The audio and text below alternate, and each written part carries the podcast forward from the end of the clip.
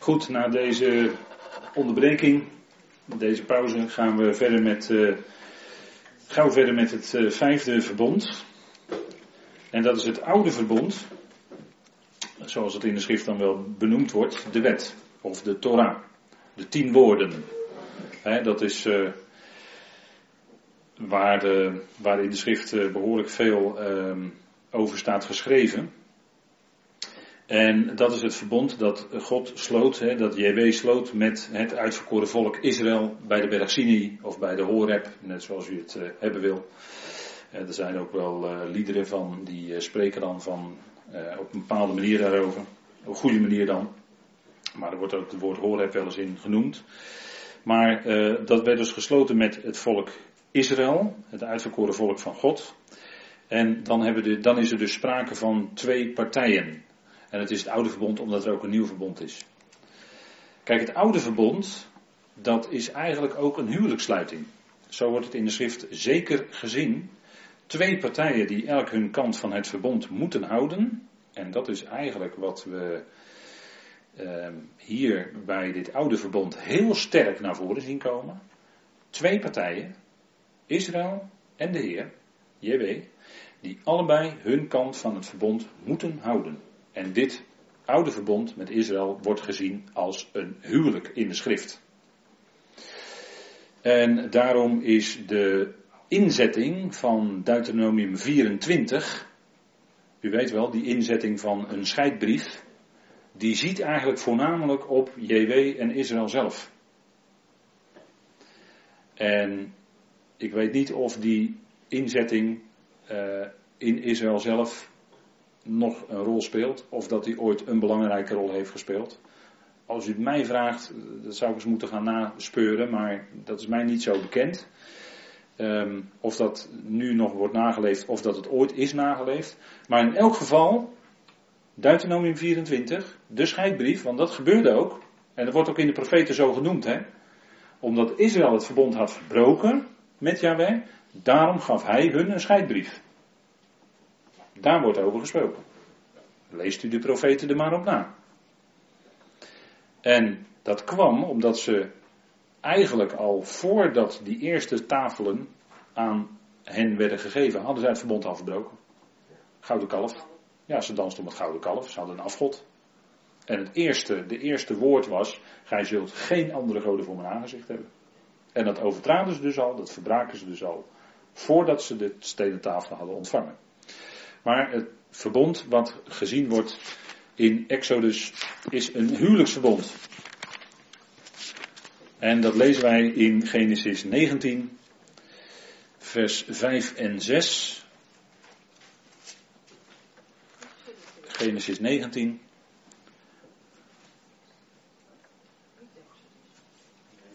Uh, eh, sorry, Exodus 19. Zei ik Genesis? Sorry. Het is Exodus uiteraard. Sorry hoor. Genesis, uh, Exodus 19, vers 5 en 6, bekende woorden die door Petrus uh, geciteerd worden. Hè. Petrus die herhaalt die woorden nog eens een keer. Als hij aan zijn uh, volksgenoten in de verstrooiing, hè, de vreemdelingen in de verstrooiing schrijft. Hè, Petrus, die schrijft aan zijn eigen volk Israël. Hè. Die schrijft niet rechtstreeks aan ons. Misschien, misschien als voorbeeldwoorden, maar nooit rechtstreeks aan ons. Dus kun je nooit, de eerste Petersbrief kun je nooit zomaar rechtstreeks op ons leggen. Dat kan niet. Dat kun je ons niet voorhouden. Uh, Genesis, of, uh, Exodus 19. En dan staat er nu dan, vers 5. Als u nauwgezet mijn stem gehoorzaamt en mijn verbond in acht neemt. Dan zult u uit alle volken mijn persoonlijk eigendom zijn. Want heel de aarde is voor mij. Alsjeblieft. Heel de aarde is voor mij. God is de bezitter. Als het om aanspraken gaat. Hè? En er wordt hier heel duidelijk een voorwaarde gezet. Hè? Als of indien u nauwgezet mijn stem gehoorzaamt en mijn verbond in acht neemt. Dus de voorwaarde. Nadrukkelijk. Dan, dan, dan zult u voor mij een koninkrijk van priesters en een heilig volk zijn. Dit zijn de woorden die u tot de Israëlieten, en als er in uw vertaling staat Israëlieten, staat er meestal zonen van Israël. Er wordt verwezen naar de aartsvader natuurlijk. Hè. Moet spreken.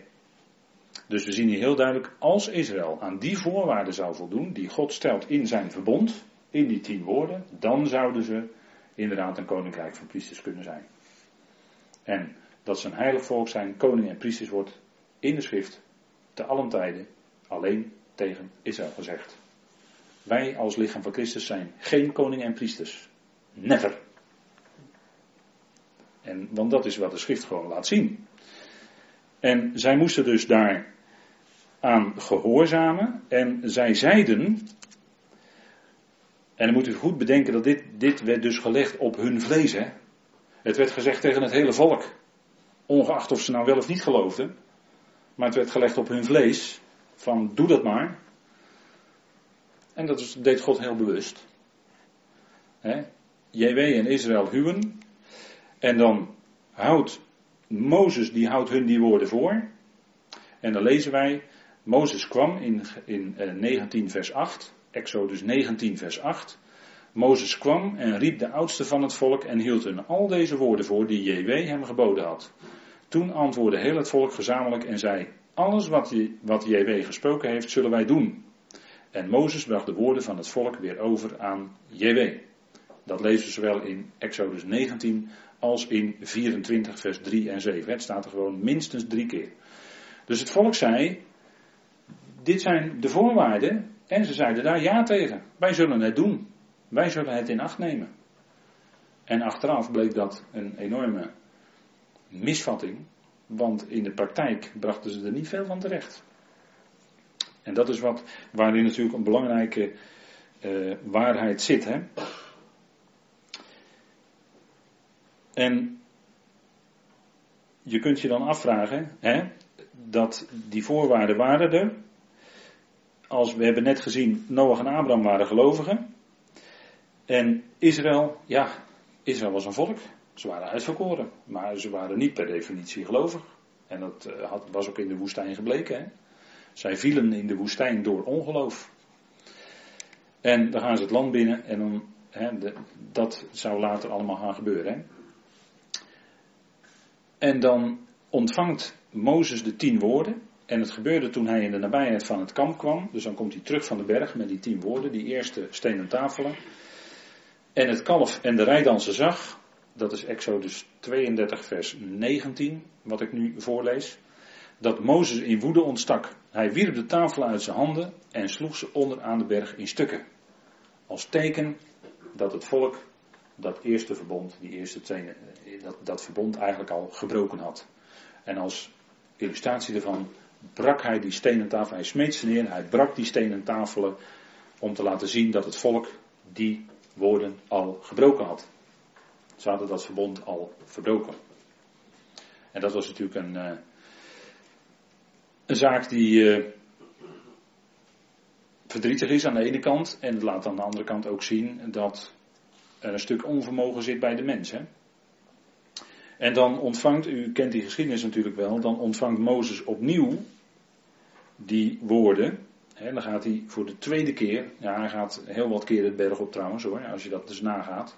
Dan gaat hij steeds weer de berg op en dan komt hij weer eraf en dan met Joshua en dan gaat hij nog verder omhoog. En steeds opnieuw is dat, dat opstijgen naar, naar God en twee keer ontvangt hij dan die stenen tafel, of die woorden, want hij moet ze uithouden. En in steen, en dan schrijft God zelf die woorden op die stenen tafelen. Hij schrijft ze zelf, hè. Dat zegt uh, Paulus later ook in uh. En dan lezen wij in Deuteronomium 10 dat de tweede stenen tafelen, want daar vertelt Mozes dat, want hij zegt dan in Deuteronomium 10, als hij dan terugkijkt, daarop maakte ik een kist van acaciahout. letterlijk staat, het wordt ook wel eens vertaald met sittimhout. En het woord sittim is wat letterlijk in het Hebreeuws staat. Maar het is hier dan geïnterpreteerd door de vertalers als acacia. Nou goed, dat is dan voor u om te onderzoeken. En hield twee stenen tafelen uit, net als de eerste. En ik klom de berg op met twee tafelen in mijn hand. Toen schreef hij op de tafelen, overeenkomstig de eerste tekst, de tien woorden die JW tot u gesproken had op de berg vanuit het midden van het vuur, op de dag dat u bijeenkwam. En JW gaf ze aan mij. En ik keerde mij om, daalde de berg af, en legde de tafelen in de kist die ik gemaakt had. Daar zijn ze zoals JW mij geboden had. Nou, die kist, die kennen wij, want die ziet u daar ook op dat plaatje geïllustreerd. Dat is de ark van het verbond. dat is een, een, een replica. Ik weet helemaal niet of die er echt zo uitgezien heeft. Maar een voorbeeld, hè. En dan moest Mozes dus een kist maken en die tafelen in die kist leggen, in die ark. Maar ten onrechte dus met ark, want het is eigenlijk een kist. En het is een heel ander woord dan het woord ark wat we bij Noach hebben gezien. Hè? Dat was teva, maar hier gaat het om een aroen. Een aroen, dat is, de, dat is een kist. En bij deze tweede stenen tafelen was het dus zo dat hij ze erin legde. En dat was natuurlijk een, een, een symbolische handeling uiteraard. Zodat dat woord, zodat die woorden in die kist waren. En we gaan vanavond nog niet verder in op de typologie hoor, wat dat allemaal uitbeeldt. Want dat is op zich weer een hele studie apart. Wel geweldig hoor, maar dat is een hele studie apart. Maar hij legde daarop het verzoendeksel. De kaporet, zoals het heet in het Hebreeuws. En dat is dat woord, verzoendeksel, daar heb ik eigenlijk wel een probleem mee. Want het was geen deksel van verzoening. Niet de verzoening die wij door het evangelie van Paulus kennen. Want dat, dat wordt dan weer de begripsverwarring. Hè? Kijk, die twee stenen tafelen, die lagen onder het verzoendeksel. In het Hebreeuws is dat kaporet en het, in het Grieks is dat hilasterion. En hilasterion wordt door Paulus één keer gebruikt en dat is in Romeinen 3 vers 25. En het wordt steeds helaas ten onrechte met verzoendeksel en grote verzoendag en, en al, dat wordt allemaal, maar het is bescherming. Het woord kipper of kafar in het Hebreeuws, waar het woord kaporet van is afgeleid, is bescherming.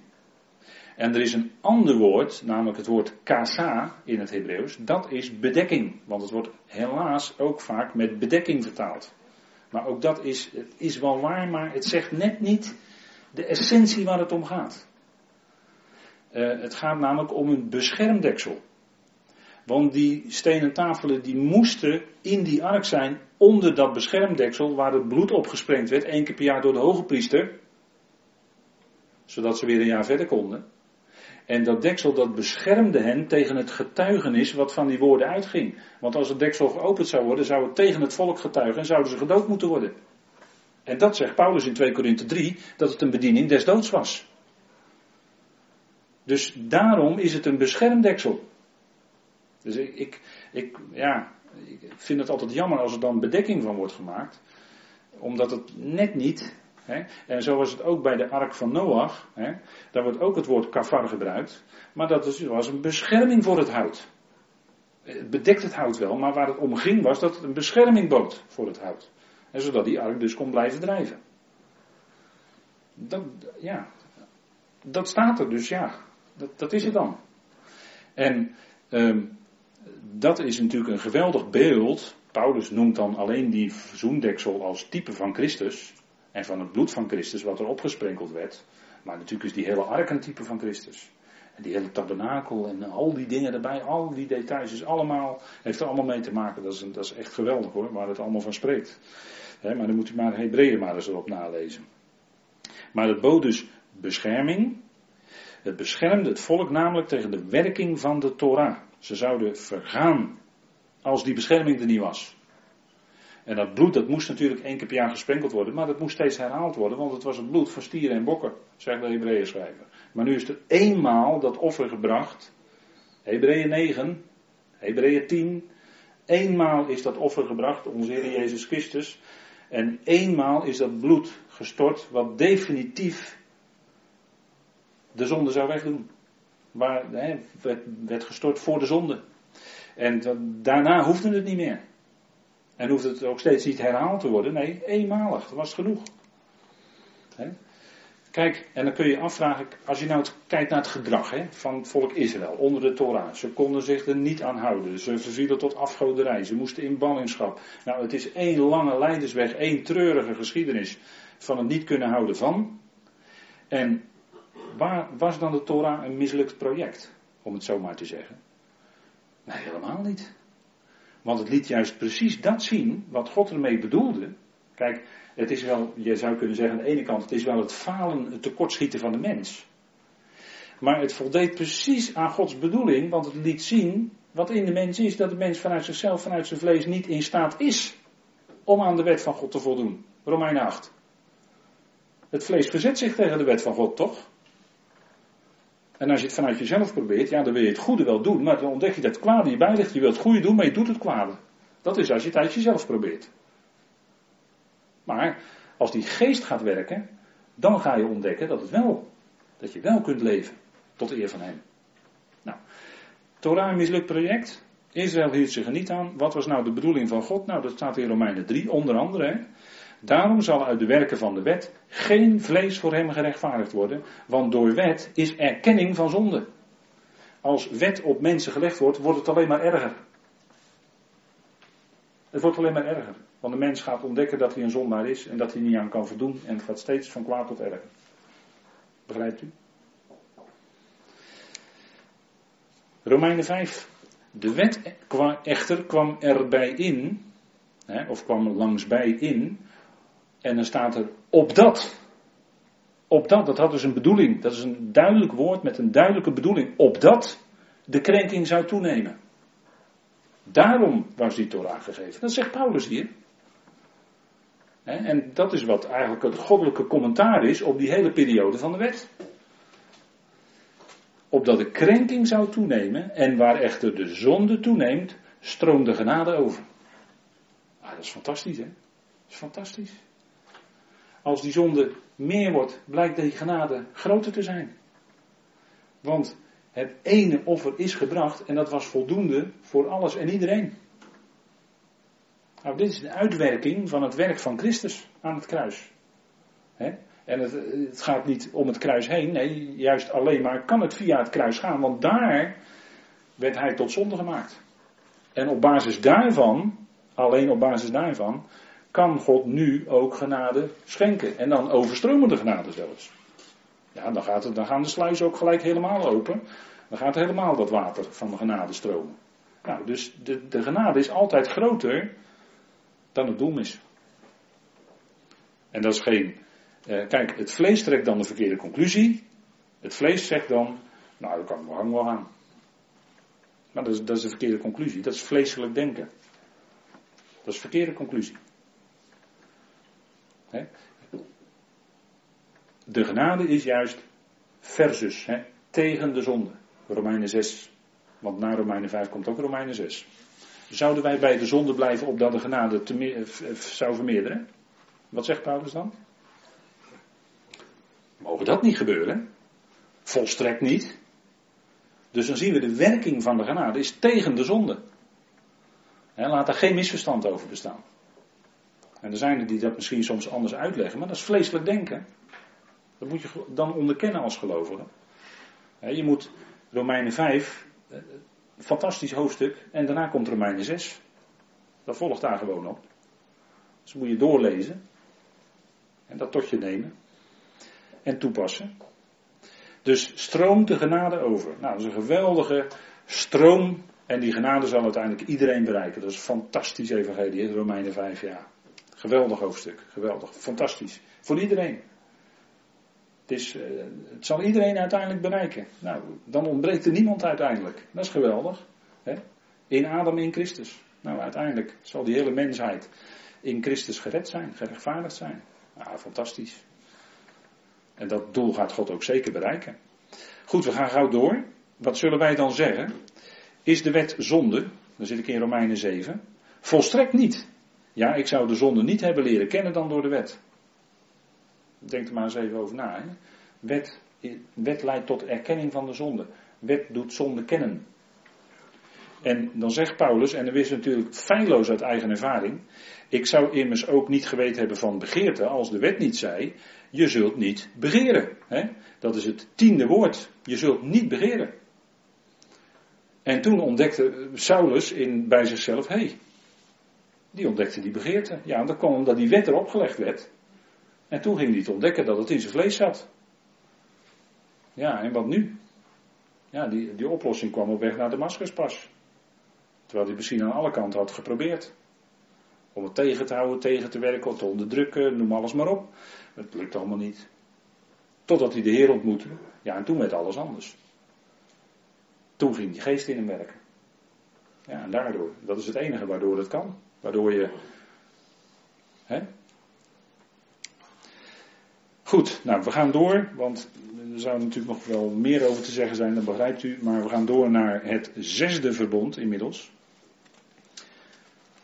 En natuurlijk was dat al overduidelijk gebleken ook bij het vijfde verbond, namelijk dat van de wet. Want ja, als je onder de wet leeft, dan komt er op een gegeven moment, dan snak je naar genade.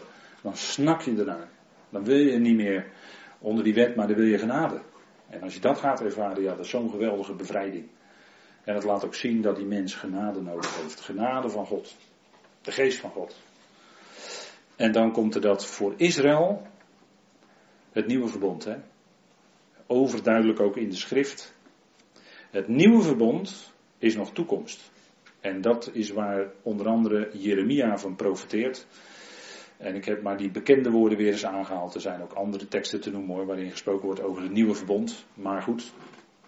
Zie, er komen dagen, spreekt JW, dat ik met het huis van Israël en met het huis van Juda een nieuw verbond zal sluiten. Niet zoals het verbond dat ik met hun vaderen gesloten heb op de dag dat ik hun hand vastgreep om hen uit Egypte te leiden. Mijn verbond dat zij verbroken hebben, hoewel ik hun Heer was, spreekt JW. En dat woord Heer is dan wonderlijk genoeg in het Hebreeuws hier Baal, maar dat betekent gewoon Heer. Even niet denken aan al die afgoden Baal, maar hun Heer was JW, dat was hun Baal op dat moment. Maar ze namen andere Baals. Hè? En dat was hun tekort. Het verbond dat zij verbroken hebben was omdat zij anderen tot Baal over zich riepen en aanvaarden in plaats van de Heer zelf.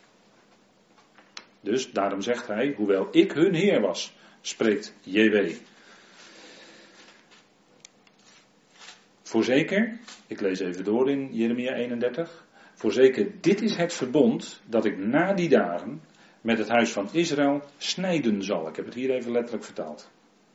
Spreekt JW, ik zal mijn Torah in hun binnenste geven. Mijn onderwijzing, het woord Torah is onderwijzing, eigenlijk vanuit het Hebreeuws. En die in hun hart schrijven, ik ben hun tot een Elohim, tot wat vaak vertaald wordt als Elohim, maar Elohim als je het letterlijk overzet in uh, Latijnse letters. Zij zullen mij tot een volk zijn. Ze zullen niet meer een ieder zijn naaste en een ieder zijn broeder onderwijzen door te zeggen ken JW. Want want zij zullen allen mij kennen. Vanaf hun kleinste tot hun grootste toe spreekt JW. Want ik zal hun slechtheid vergeven en aan hun zonde niet meer denken. En waarom niet? Omdat het offer, het ene offer, gebracht is. Voor hun tekorten, voor hun slechtheid, voor hun overtredingen, voor hun krenkingen, voor hun zonden. Het ene offer is gebracht. Op basis daarvan hè, kan de Heer dit zeggen. En dat wordt geciteerd in Hebreeën 8, vers 8 tot en met 12. Hè. Dit wordt vrijwel daar letterlijk geciteerd. En let u, ik heb in het blauw hier op deze dia gezet, ik zal. Om aan te geven dat God dit doet. Hè. Ik zal. Ik zal. Ik zal. Dus hij zal dat allemaal bewerken. Hij zal zijn Torah in hun binnenste schrijven. Zodat ze het van binnenuit ook kunnen doen. En dat doet hij door zijn geest. Hij zal zijn geest in hun binnenste geven. Dat is allemaal wat beloofd is door de profeten van Tenach, van, de, van het Oude Testament. Hè? Dat is wat gaat gebeuren in de toekomst. Dit is het nieuwe verbond. Met wie? Met het huis van Israël en met het huis van Juda. Dat hebben we net gelezen. Dus laat daar geen misverstand over zijn. De twee en de tien stammen. En die zullen weer één gemaakt worden. Waarom? Zoals eerder op de avond ook al gezegd. Die geest die in hen werkt, die maakt hen één. En wij hebben in feite, en dat vind ik, dat vind ik heel kostbaar hoor. Wij hebben in feite in het lichaam van Christus. Hebben wij eigenlijk zoiets bijzonders, want wij hebben allemaal die geest in ons wonen. En daarom zegt Paulus in Efeze 4 dat wij de eenheid van de geest zouden bewaren. Die hoeven wij niet te maken hoor. Die is er al. Die is bij ieder die zijn geest in zich heeft, wonend. Die hoort bij dat lichaam. En met een ieder ander ben je dan één. En die eenheid, die eenheid van de geest, die zouden wij bewaren, zegt Paulus in Efeze 4. En dan ziet u weer, die geest, die maakt dus één. Die geest zorgt voor die eenheid. En vandaar dat die symbolen van de geest, die duiven, die mochten niet gesneden worden, die mochten niet gescheiden worden. Dat zit daar natuurlijk achter. maar dat ga je zien als je andere dingen in de schrift ook leest en die ernaast legt. Maar het is die geest die één maakt. En die ook zorgt, want het is de geest van de waarheid. Het is de geest van de waarheid. En die, zei de Heer, zal je in alle waarheid leiden. Zei hij tegen de discipelen, dat weet ik wel. Maar die geest van de waarheid werkt in ons. En die zal ons tot de waarheid leiden. Nou, en het evangelie van de waarheid vandaag is. Dat evangelie wat Paulus brengt. Dat is de waarheid voor vandaag. Dat, daar kunnen we niet omheen. er is geen andere mogelijkheid. Het is het woord van de waarheid wat jullie gehoord hebben, Efeze 1. Het woord van de waarheid, het evangelie van jullie redding, wat jullie geloven. Nou, dat is wat Paulus brengt. En, en, en de schrift kent onmiskenbaar twee evangeliën. In Galaten 2 wordt dat uit, uitdrukkelijk aan de orde gesteld. Twee evangeliën. Het een is van de onbesnedenen, dat is wat Paulus verkondigde. Dat is het evangelie, de waarheid voor vandaag, voor ons. En, en daarvoor werd Paulus geroepen.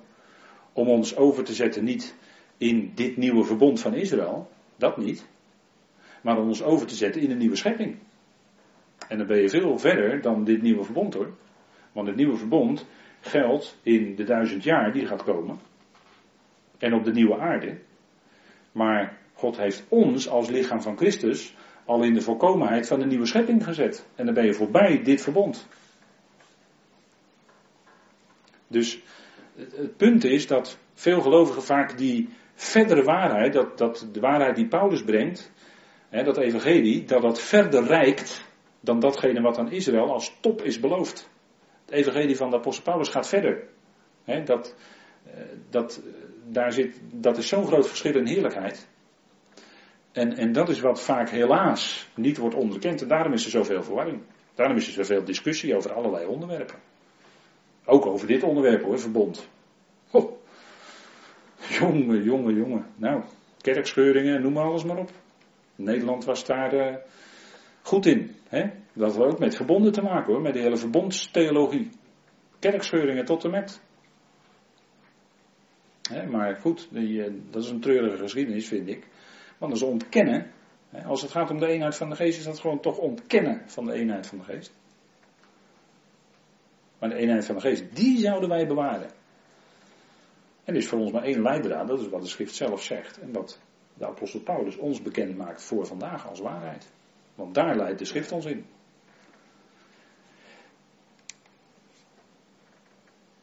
Kan het bij het nieuwe verbond misgaan? Dat is misschien een vraag die u zichzelf niet zo direct stelt, maar eigenlijk kun je daar heel makkelijk antwoord op geven. Het kan bij het nieuwe verbond niet misgaan. Waarom niet? Omdat God alles doet. Hij zegt, ik zal, ik zal, ik zal. Daarom gaat het niet mis bij het nieuwe verbond. Bij het oude verbond ging het aan alle kanten mis. Want er werd de voorwaarde bij het vlees van de mens gelegd. Dus het ging mis. Maar waar hij, God, de geest werkt, in het nieuwe verbond, en hij zegt, ik zal het doen, ik zal mijn geest in je binnenste geven, dan gaat het goed. Dan gaat Israël wel leven tot zijn eer. God doet alles dan. Hè? Zijn geest werkt in de gelovigen.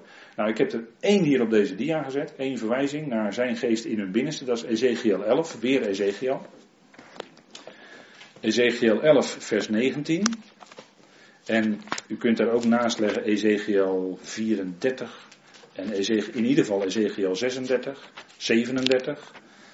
En uh, Joel, hè, de uitstorting van de geest. Zacharia wordt ook gesproken over de uitstorting van de geest. Dus we hebben wat dat betreft heel wat uh, verwijzingen mogelijk. Maar uh, even kijken, Ezekiel 11, vers 19. Daar lezen wij: Ik zal hun één hart geven. Ziet u die eenheid weer? Ik zal hun één hart geven.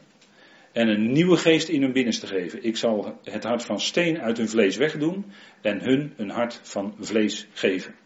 Nou, dat is natuurlijk even die belofte, even los hier van de context van Ezekiel 11. Maar dat is die belofte die ze krijgen. Hè. Ze krijgen een vleesenhart in plaats van een steenhart. En het nieuwe is gebaseerd op het ene offer. En het oude verbond vereiste veel offers die vooruit wezen. Maar het nieuwe is gebaseerd op dat ene offer, onze Heer Jezus Christus, aan het kruis. En opgewekt uit de dood. En daardoor kan dit niet misgaan, want het is zijn geest die werkt. Hè? Even dan wat verschillen tussen oud en nieuw, hè? het oude en het nieuwe verbond. Je had bij beide twee partijen. Bij het oude, JW deed iets en bij het nieuwe is JW doet alles. Bij het oude is het Israël moet wat doen en bij het nieuwe is Israël vervult geen voorwaarden. Bij het oude is in stenen gegrift. De vinger van God schreef op de steen. En bij het nieuwe is het in de harten geschreven. Dan schrijft God zelf zijn onderwijzing in hun harten. Bij het oude ging het om het vlees en bij het nieuwe om de geest. Bij het oude was er sprake van een verdwijnende heerlijkheid. En bij het nieuwe is er sprake van een blijvende heerlijkheid. Bij het oude was verdeeldheid. En bij het nieuwe is er sprake van eenheid. Hè? Die twee, tien en twee stammen worden tot één gemaakt. Bij het oude was Israël faalde. En bij het nieuwe is Israël doet de wil van JW. En dat wordt ook in die ene gelijkenis, weet u wel. Die kent u wel, denk ik, die gelijkenis. Van iemand die twee zonen had, meen ik. Of twee knechten. En de een die zei ja en deed niet. En de ander zei nee, die deed wel. En dan was de vraag wie heeft nou de wil van de vader gedaan. Nou, heeft, dat heeft hiermee te maken. Met Israël. Oud en nieuw. Goed, we gaan gauw door vanwege de tijd. Dan het laatste verbond. En dan zijn we bij Paulus gekomen.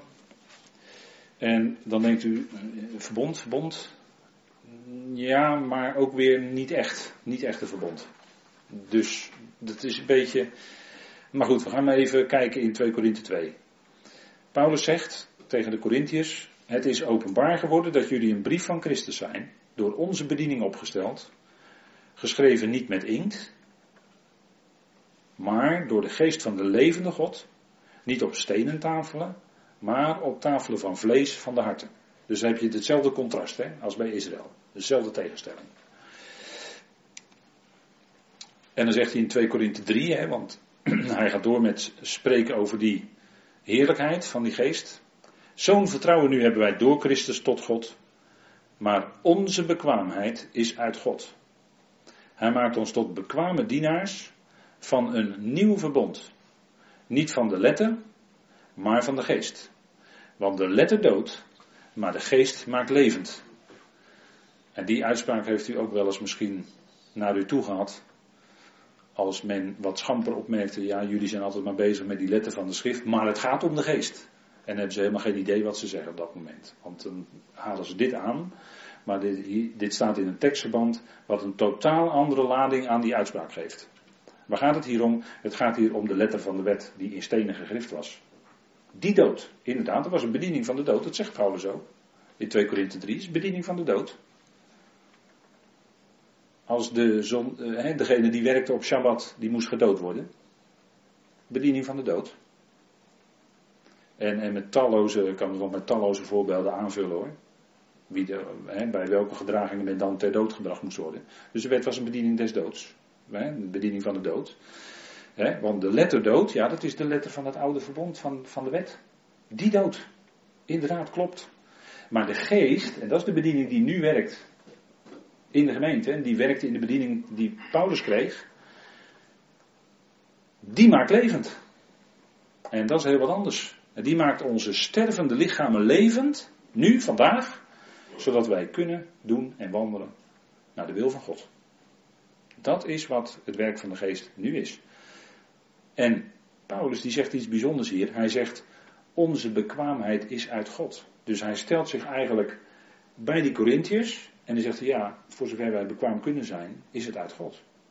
Terwijl Mozes de woorden van God ontving en als middelaar fungeerde tussen God en, en het volk, steeds die berg op moest en die woorden doorgeven.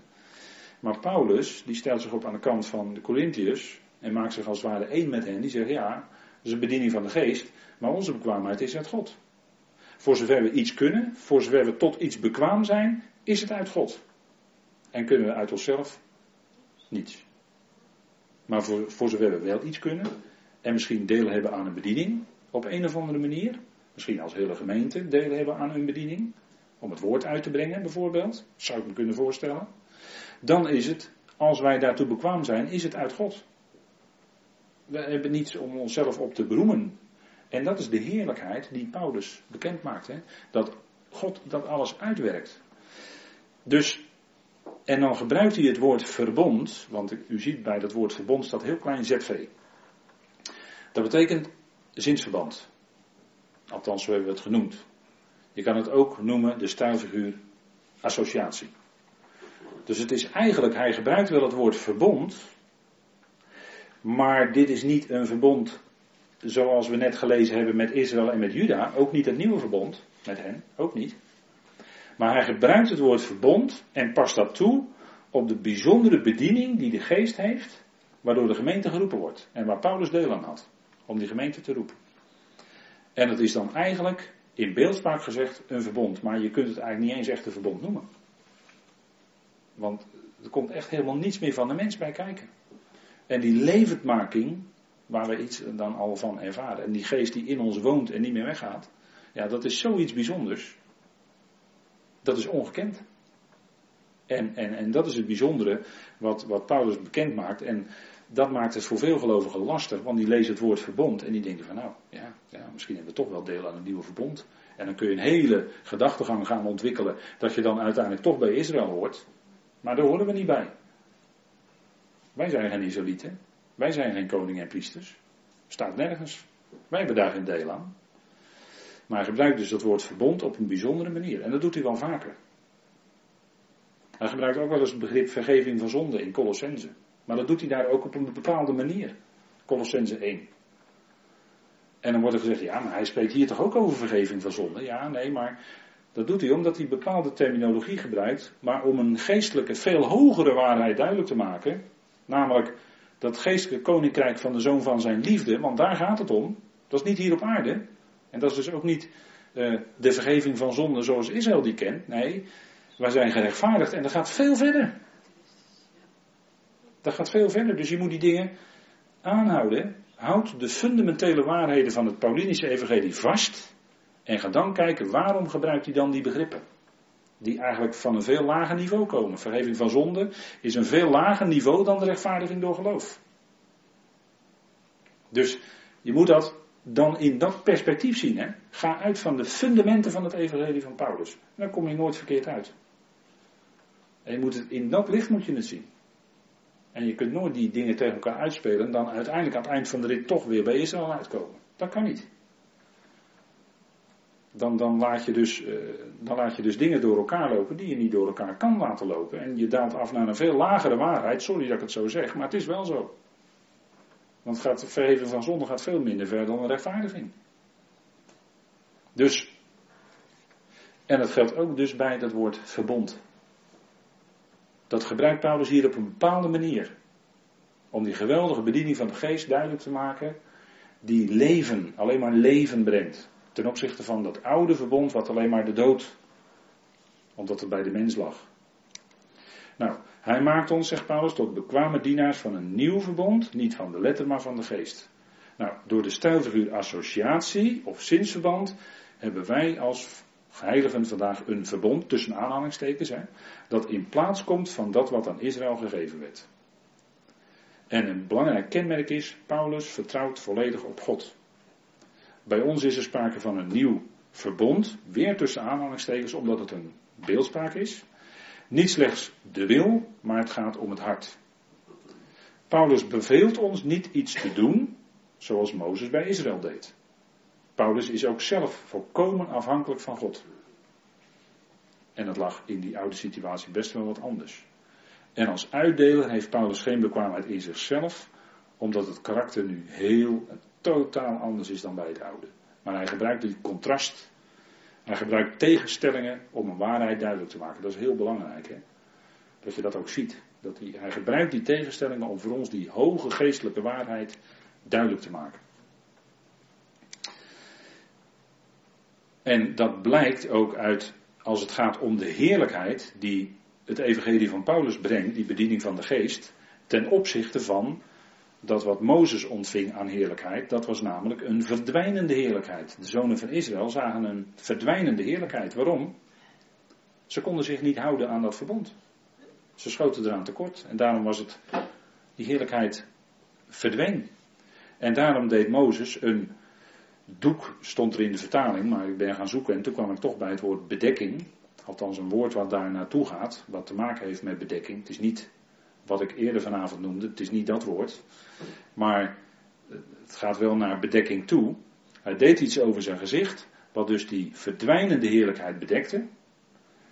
En, de, en als hij dan uh, bij, bij de Heer was, deed hij het doek weer af. En als hij dan terugkwam, deed hij weer op. Dat was dus die bedekking. En dat haalt Paulus dan aan. Kijk, dat is nou de bedekking van het oude verbond.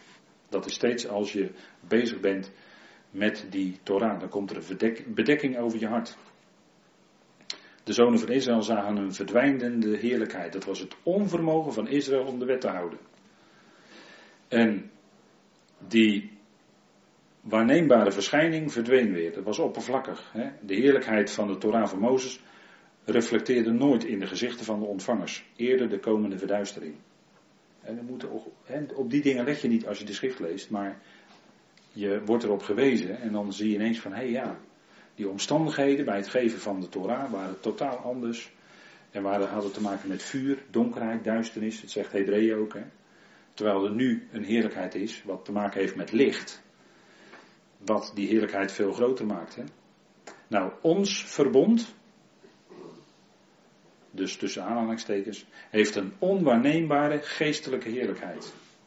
Paulus hoefde de eerste heerlijkheid van zijn eerdere brieven nooit te bedekken.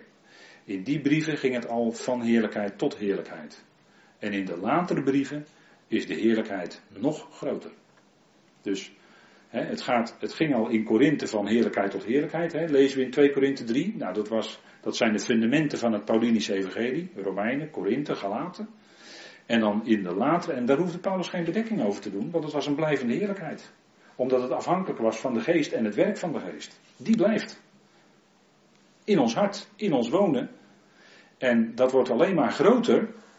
En dan komt hij in zijn later brieven met een nog grotere heerlijkheid. En ik denk dat we heel veel moeite hebben als gelovigen om iets te gaan zien van die ongelooflijke heerlijkheid die Paulus met name in zijn latere brieven bekend maakt. Maar je kunt niet zonder zijn eer, je hebt al Paulus brieven nodig en die blijven altijd nodig. Maar die ongelooflijke heerlijkheid die in zijn latere brieven naar voren komt, ja, dat is een licht. Dat is voor heel veel gelovigen zo fel dat, het, dat ze daar maar moeilijk iets van kunnen waarnemen. En, en dat, dat idee heb je wel eens van, als we iets zouden beseffen van die onvoorstelbare heerlijkheid die gaat komen, waar Paulus van spreekt, waarvan hij mocht schrijven, ja, dan, dan, dan, dan is het, ja, dat is zo geweldig. Dan, ja, dan heb, dan, dan heb je zoiets bijzonders. Dan, dan, dan, ja, dan, dan mag je iets, iets verstaan van, van zoiets bijzonders wat God gaat geven. Ja, dan, dan weet je, dit is het. Dan, dan weet je ook met je hart, dit is het.